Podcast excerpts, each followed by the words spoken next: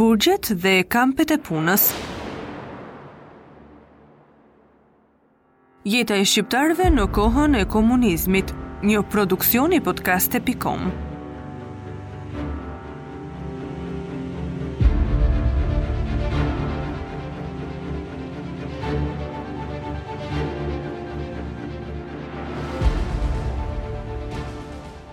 Fundi i luftës në vitin 1944 përkoi edhe në Shqipëri me periudhën e hakmarrjeve politike. që më pas u transformuan nga regjimi komunist në një sistem të vërtetë qeverisjeje bazuar në arrestimin dhe persekutimin e kundërshtarëve politikë, duke filluar me ish-krerët, intelektualët, tregtarët dhe pronarët e tokave. Burgjet që ishin në dispozicion në vitin 1944 ishin tërësisht të pamjaftueshme për të përmbushur kërkesat e reja, kështu qeveria e re, e drejtuar nga Enver Hoxha, filloi duke përdorur shtëpitë private dhe institucionet publike si qendra paraburgimi dhe torture.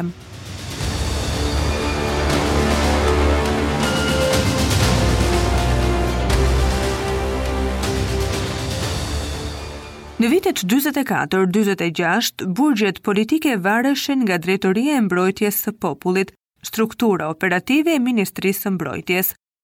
Në vitin një mijë e nëntëqind e dyzet e shtatë, të gjitha burgjet kaluan nën kontrollin e Ministrisë së Brendshme që ishte përgjegjëse për sigurinë e brendshme. Tetë burgje ekzistuese në Shqipëri iu rezervuan të burgosurve politikë të cilët përcaktoheshin si armiq të popullit, shtatë të burgosurve normalë të përcaktuar si ordinerë dhe tre burgje ishin të përziera. Me kalimin e viteve, regjimi hapi burgje të reja në të gjithë qendrat kryesore, duke i specifikuar ato për të burgosurit politik dhe burgjet e destinuara për të burgosurit ordiner.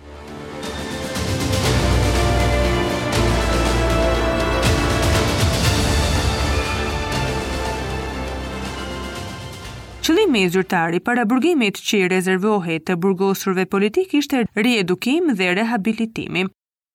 nëpërmjet vuajtjes dhe punës.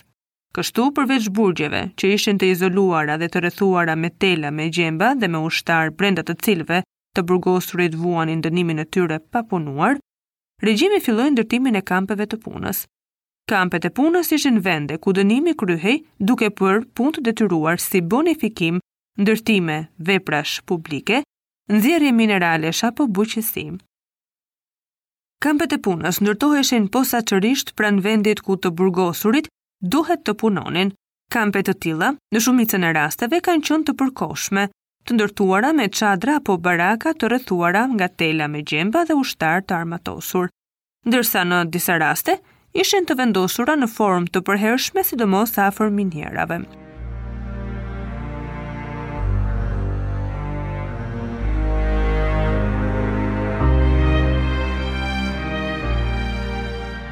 Pothuajse të gjithë të burgosurit që ishin në gjendje të punonin, caktoheshin në këto kampe dhe me kalimin e viteve, numri i kampeve të punës tejkaloi atë të burgjeve. Punimet publike më të mëdha në Shqipëri gjatë viteve të komunizmit janë realizuar nëpërmjet punës së detyruar të të burgosurve, si të burgosurve politikë, ashtu edhe ordinerë dhe të të internuarve të cilët ishin të detyruar të punonin mbi këto vepra dhe për të siguruar jetesën. Ndër burgjet e destinuara për armiqtë e popullit më famkeqi ishte ai i Burrelit, konsiderohej si një superburg nga i cili ishte e pamundur të arratiseshe dhe në të cilin i burgosuri politik jetonte në kushtet çnjerëzore.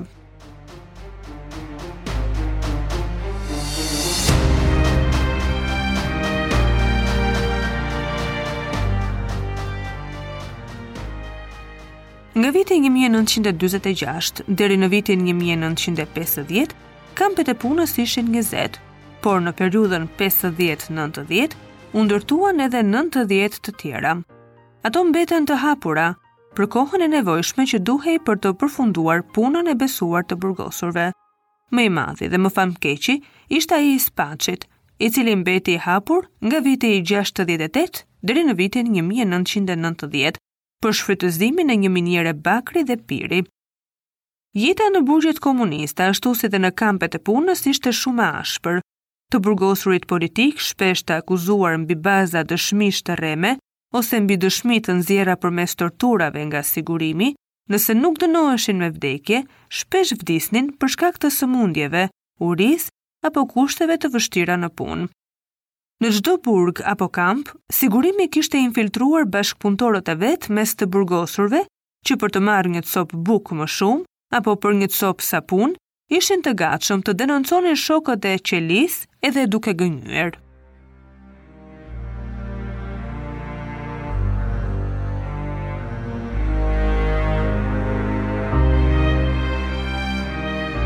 Në arkivën e Ministrisë së Brendshme, deri në vitin 1990, rezultojnë të dënuar 25.000 të burgosur politikë Por duke qenë se mungojnë statistikat e të dënuarve të periudhës 45-46 dhe të dënuarve me dënime të vogla, besohet se të burgosurit politikë në Shqipëri kanë qenë mes 30.000 dhe 34.000.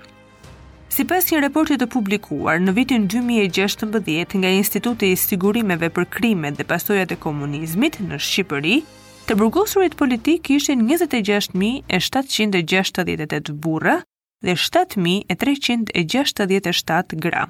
Të burgosurit e vdekur në burg për shkak të kushteve të burgjeve ishin nëntëqind e tetëdhjetë e katër dhe treqind e tetë të tjerë humbën aftësinë e tyre mendore. Sipas të njëjtit burim, pesë mijë e pesëqind e shtatëdhjetë e shtatë burra dhe katërqind e pesëdhjetë gra u dënuan me vdekje dhe u vranë. Trupat e të burgosurve që ekzekutoheshin ose vdisnin në burg gjatë punës së detyruar apo nga sëmundje, nuk iu ktheheshin të afërmve.